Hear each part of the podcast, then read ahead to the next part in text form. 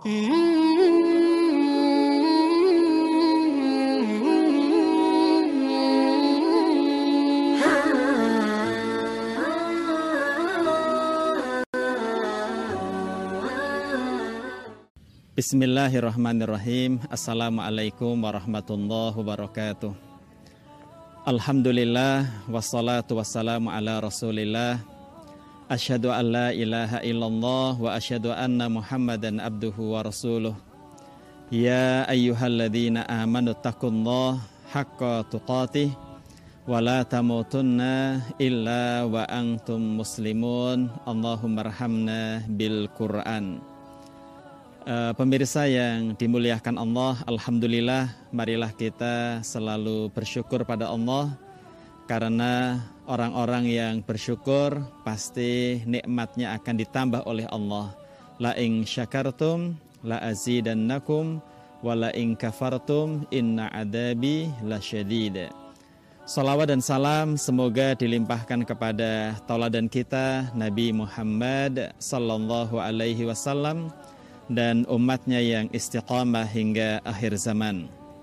Pemirsa yang dimuliakan Allah, Alhamdulillah kita berada di bulan suci Ramadan. Kita berdoa mudah-mudahan sholat kita diterima oleh Allah Subhanahu wa taala. Juga mudah-mudahan puasa kita diterima oleh Allah Subhanahu wa taala dan mudah-mudahan pula kelak kita menjadi hamba-hamba Allah yang al-muttaqin setelah selesai melaksanakan ibadah puasa Ramadan. Uh, pemirsa yang dimuliakan Allah, pada kesempatan yang berbahagia ini saya akan menyampaikan sebuah tema tentang cintaku di bulan Ramadan.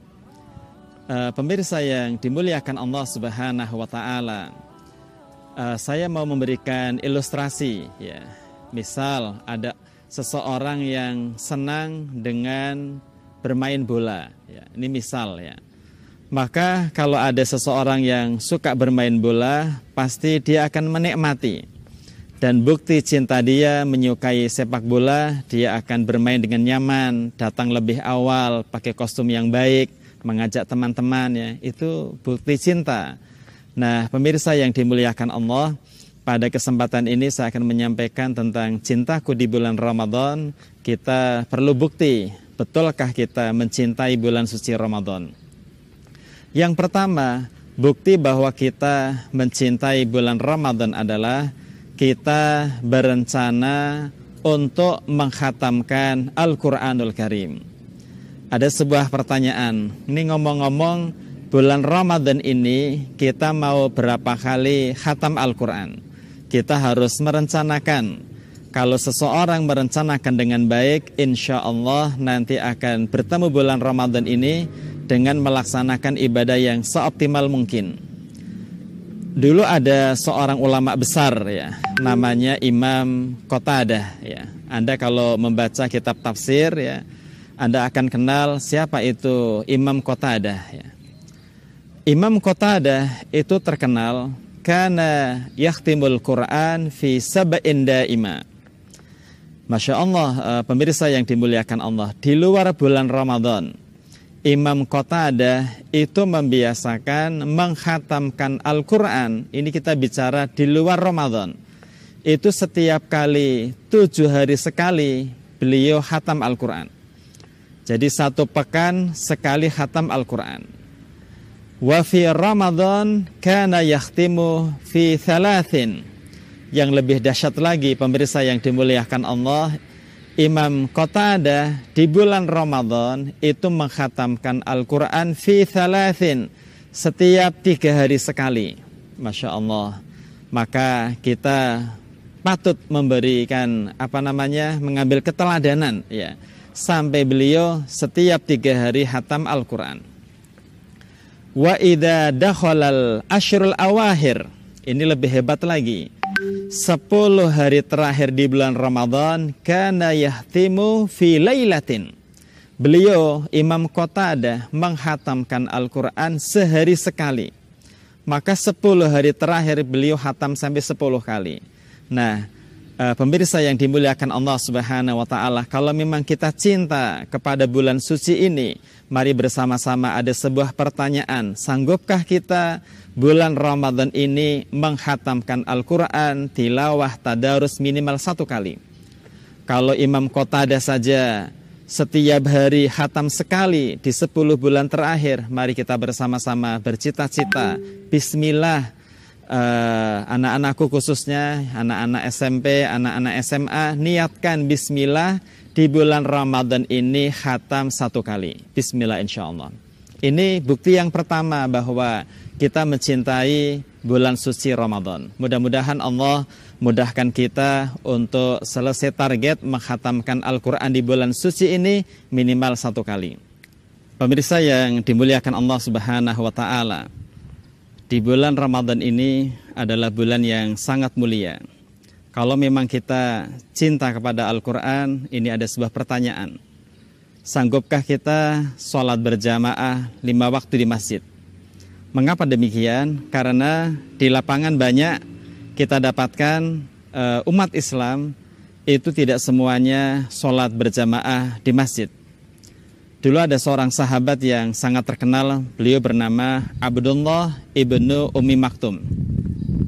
Yang disebut dengan Rajulun A'ma, seorang sahabat yang tidak bisa melihat. Secara fisik tidak bisa melihat. Namun beliau datang kepada Rasulullah Sallallahu Alaihi Wasallam karena memang selayaknya seorang sahabat ketika ada masalah pasti bertanya kepada Rasulullah Sallallahu Alaihi Wasallam dan kita perlu mencontoh kalau kita punya masalah tidak ada jawaban, maka kita bertanya kepada orang yang berkompeten. Ya.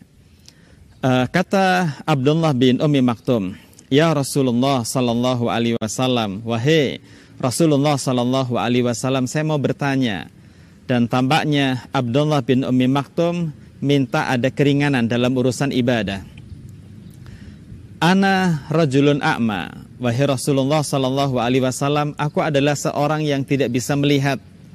Rumahku jauh dari masjid. Saya tidak punya pembantu yang mengantar saya ke masjid. Apakah boleh saya sholatnya di rumah saja? Saya tidak ikut sholat berjamaah karena saya adalah rojulun a'ma. Maka Rasulullah Sallallahu Alaihi Wasallam tauladan yang mulia sangatlah bijak. Beliau terdiam sejenak uh, merenungkan tentang permintaan sahabatnya bernama Abdullah bin Umi Maktum. Uh, beberapa waktu kemudian Rasulullah Shallallahu Alaihi Wasallam bertanya balik, wahai Abdullah, hal sami'tan nida? Kalau anda tidak bisa melihat dengan mata anda, saya bertanya kepada anda, apakah anda mendengar suara adzan? Maka langsung Abdullah bin Umi Maktum menjawab, "Bala ya Rasulullah." Tentu wahai Rasulullah sallallahu alaihi wasallam, saya mendengar adzan. Kemudian Rasulullah sallallahu alaihi wasallam bersabda, "Fa'ajib." Maka kalau Anda mendengar adzan, maka Anda hendaknya pergi ke masjid untuk melaksanakan sholat berjamaah. Alhamdulillah, di mana pun kita berada, di mana-mana ada masjid, ada musola, di dekat rumah kita ada tempat ibadah masjid. Mari bersama-sama di bulan Ramadan ini sebagai bukti bahwa cinta kita kepada bulan Ramadan. Mari bersama-sama kita tidak absen untuk melaksanakan sholat lima waktu dengan berjamaah. Mudah-mudahan Allah mudahkan urusan kita. Baik, yang ketiga sekarang, uh, pemirsa anak-anakku yang dimuliakan Allah, khususnya anak-anak SMP dan anak-anak SMA, Semet Alirsyad ya. Yang ketiga adalah tentang masalah sholat duha. Apa hukumnya melaksanakan sholat duha? Maka seluruh ulama sepakat sholat duha hukumnya sunnah, bukan wajib. Ya. Kita tidak boleh mewajibkan yang sunnah. Namun pemirsa yang dimuliakan Allah Subhanahu Wa Taala, sesuatu yang sunnah itu kalau dilanggengkan itu adalah amalan yang mulia ketika Rasulullah Shallallahu Alaihi Wasallam menjelaskan khairul amal ibadah yang paling baik, amalan yang paling baik adalah adwa muha yang dilaksanakan terus menerus, continue. Nah di bulan Ramadan ini kesempatan emas buat kita. Mari bersungguh-sungguh kita istiqomah melaksanakan sholat duha minimal dua rakaat maksimal standarnya adalah 12 rakaat, tapi yang lazim antara 2 rakaat hingga 4 rakaat. Uh, sholat duha ini memiliki keutamaan yang dahsyat. Kita tahu bahwa Rasulullah Shallallahu Alaihi Wasallam menjelaskan kepada kita manusia memiliki 360 persendian dan masing-masing ini wajib disedekahi. Kata Rasulullah Shallallahu Alaihi Wasallam cukup anda dengan sholat dua rakaat sholat duha itu sudah mewakili anggota tubuh Anda yang memiliki 360 ruas itu sudah disedekahi. Uh, pemirsa yang dimuliakan Allah Subhanahu wa taala, manusia memiliki tubuh, manusia memiliki psikis. Salah satu uh, melaksanakan kebutuhan psikis kita, salah satunya adalah dengan melaksanakan minimal sholat duha dua rakaat. Bahkan seandainya Anda bisa melaksanakan salat duha empat rakaat memiliki keutamaan yang yang luar biasa. Rasulullah Shallallahu Alaihi Wasallam bersabda, "Man sholla arba'an fid duha wa arba'an qabla duhri." Siapa yang suka sholat duha empat rakaat, sholat qabliyah duhur empat rakaat, pahalanya hebat, yaitu banallahu lahu baitan fil jannah. Allah akan membangunkan orang tersebut rumah di surga. Ini pemirsa yang dimuliakan Allah yang nomor tiga. Kemudian yang berikutnya adalah yang nomor empat. Alhamdulillah eh, di masyarakat kita, khususnya di Banyumas ini, dan mungkin secara nasional di Indonesia, tradisi masyarakat di Indonesia itu Ramadan penuh dengan kajian, penuh dengan pengajian. Ya, ada namanya kultum tarawih, ada yang namanya kultum subuh, ada yang namanya kajian menjelang buka puasa. Nah, yang yang kita maksud adalah pemirsa yang dimuliakan Allah, bukti kita cinta kepada bulan Ramadan adalah mari bersama-sama memanfaatkan mendengarkan kajian, menuntut ilmu. Dulu uh, pemirsa yang dimuliakan Allah Subhanahu wa taala ada salah seorang sahabat yang kena istilahnya junub dia. Dia ini harus mandi wajib ya. Saat itu sahabat ini bertanya kepada yang lainnya, "Wahai teman-teman, uh, sekarang ini saya sedang junub ya dan kepala saya sedang sakit, terbentur dengan batu sehingga saya kesulitan untuk bersuci. Kira-kira bisa apa tidak saya ini bersucinya dengan tayamum?" Kemudian para sahabat yang lain tidak bisa. Kalau Anda junub, Anda harus mandi besar, tidak dengan tayamum. Akhirnya sahabat ini tidak melaksanakan tayamum tapi mandi besar. Ternyata setelah mandi, mandi besar, sahabat yang mulia ini wafat meninggal.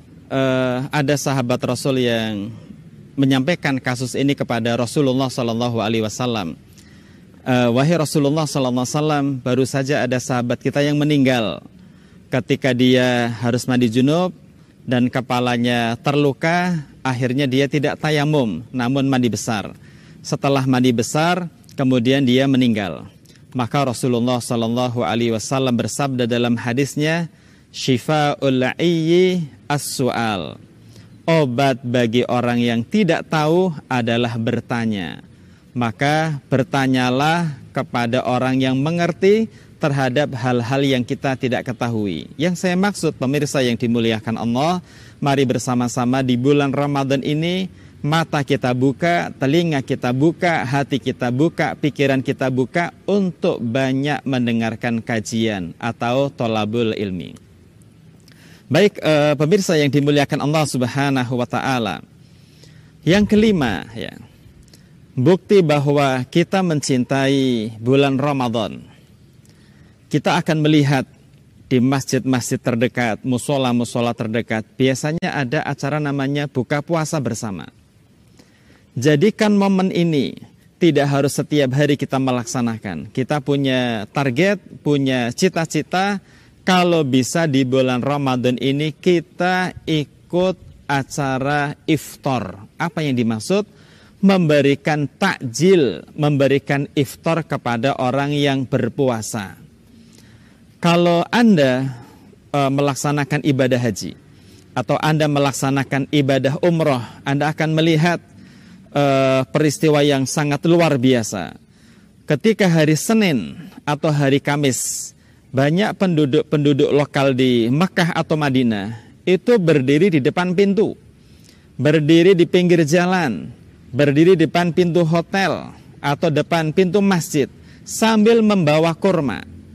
Yang unik adalah setiap kali ada jamaah umroh lewat, orang Arab ini membagi kurma satu butir satu butir.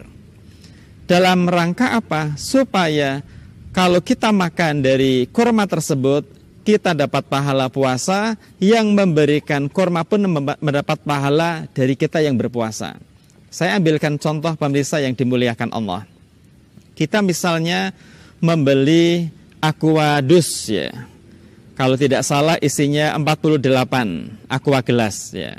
Misal kalau kita beri uh, harga yang 20 ribu kita siapkan satu dus aqua, kita kasih ke masjid, kasih ke musola, kemudian diminum sama orang yang berpuasa, paling tidak diminum oleh 48 orang yang berpuasa, maka dahsyatnya adalah kita sendiri mendapat pahala kita puasa, ditambah pahala dari 48 orang yang minum aqua kita. Maka dari itu bismillah di bulan Ramadan ini kalau memang kita mengatakan cinta kepada bulan Ramadan, mari bersama-sama ikut andil acara memberi iftar kepada orang-orang yang berpuasa. Pemirsa yang dimuliakan Allah Subhanahu wa taala. Kita punya waktu yang sangat mepet antara jam 4 seperempat sampai setengah lima. Kurang lebih 15 menit. Kalau saya boleh usul, waktu antara 10 menit hingga 15 menit anda gelar sajadah di tempat yang bersih, angkat kedua tangan Anda, mohonlah, mintalah, mengeluhlah, mengadulah kepada Allah. Semua orang punya hajat, semua orang punya rencana, semua orang punya keinginan. Mintalah kepada Allah. Itu waktu yang mustajab. Yang hampir kebanyakan di antara kita meremehkan waktu tersebut. Ustadz, saya kalau di rumah jam 4 seperempat menuju setengah lima rame di keluarga banyak tidak kondusif, boleh pula kita langsung ke masjid. Yang masjidnya dekat jalan kaki, yang jauh naik motor. Di masjid Anda sholat tahiyatul masjid, ya. Kemudian Anda duduk menghadap kiblat di atas sajadah, tenangkan pikiran hati, minta-minta setiap hari selama bulan Ramadan. Selama 30 hari, selama satu bulan penuh, kita tidak melupakan waktu yang strategis untuk minta kepada Allah, yaitu waktu-waktu sahur menjelang adzan subuh. Mudah-mudahan saya dan hadirin diberi hidayah oleh Allah sehingga mudah bagi kita untuk melaksanakan target yang keenam ini yaitu fokus berdoa di waktu-waktu yang mustajab. Baik, sekarang yang terakhir yang nomor tujuh. Uh, pemirsa yang dimuliakan Allah Subhanahu wa taala. Di bulan Ramadan ini ada namanya istilah barokatus sahur yang kalau bahasa Indonesia adalah meraih keberkahan ketika sahur. Ya. Berarti akan saya sampaikan pemahaman penting terkait sahur. Ya. Kita makan sahur bukan masalah biar kenyang, bukan itu. Kita menyantap sahur, permasalahannya bukan supaya paginya tidak lapar, bukan itu. Rasulullah Shallallahu Alaihi Wasallam menjelaskan tasaharu ini perintah dari Rasul wahyu. Sahurlah kalian. Jadi sahur itu bukan hal yang remeh, tapi itu perintah langsung dari orang yang mulia, Nabi Muhammad sallallahu alaihi wasallam. Makan sahur. Tasaharu fa inna fis sahuri barakah. Karena Anda kalau makan sahur, Anda akan mendapatkan keberkahan, memperoleh keberkahan. Maka dari itu, pemirsa yang dimuliakan Allah, di bulan Ramadan ini, niatkan dengan baik, agungkan agenda makan sahur, jangan diremehkan. Ibu-ibu di rumah, bapak-bapak di rumah, anak-anak mensupport agenda sahur itu penting sebagaimana kita buka puasa. Banyak di lapangan kita dapatkan pemirsa yang dimuliakan Allah. Nak, ayo sahur nak.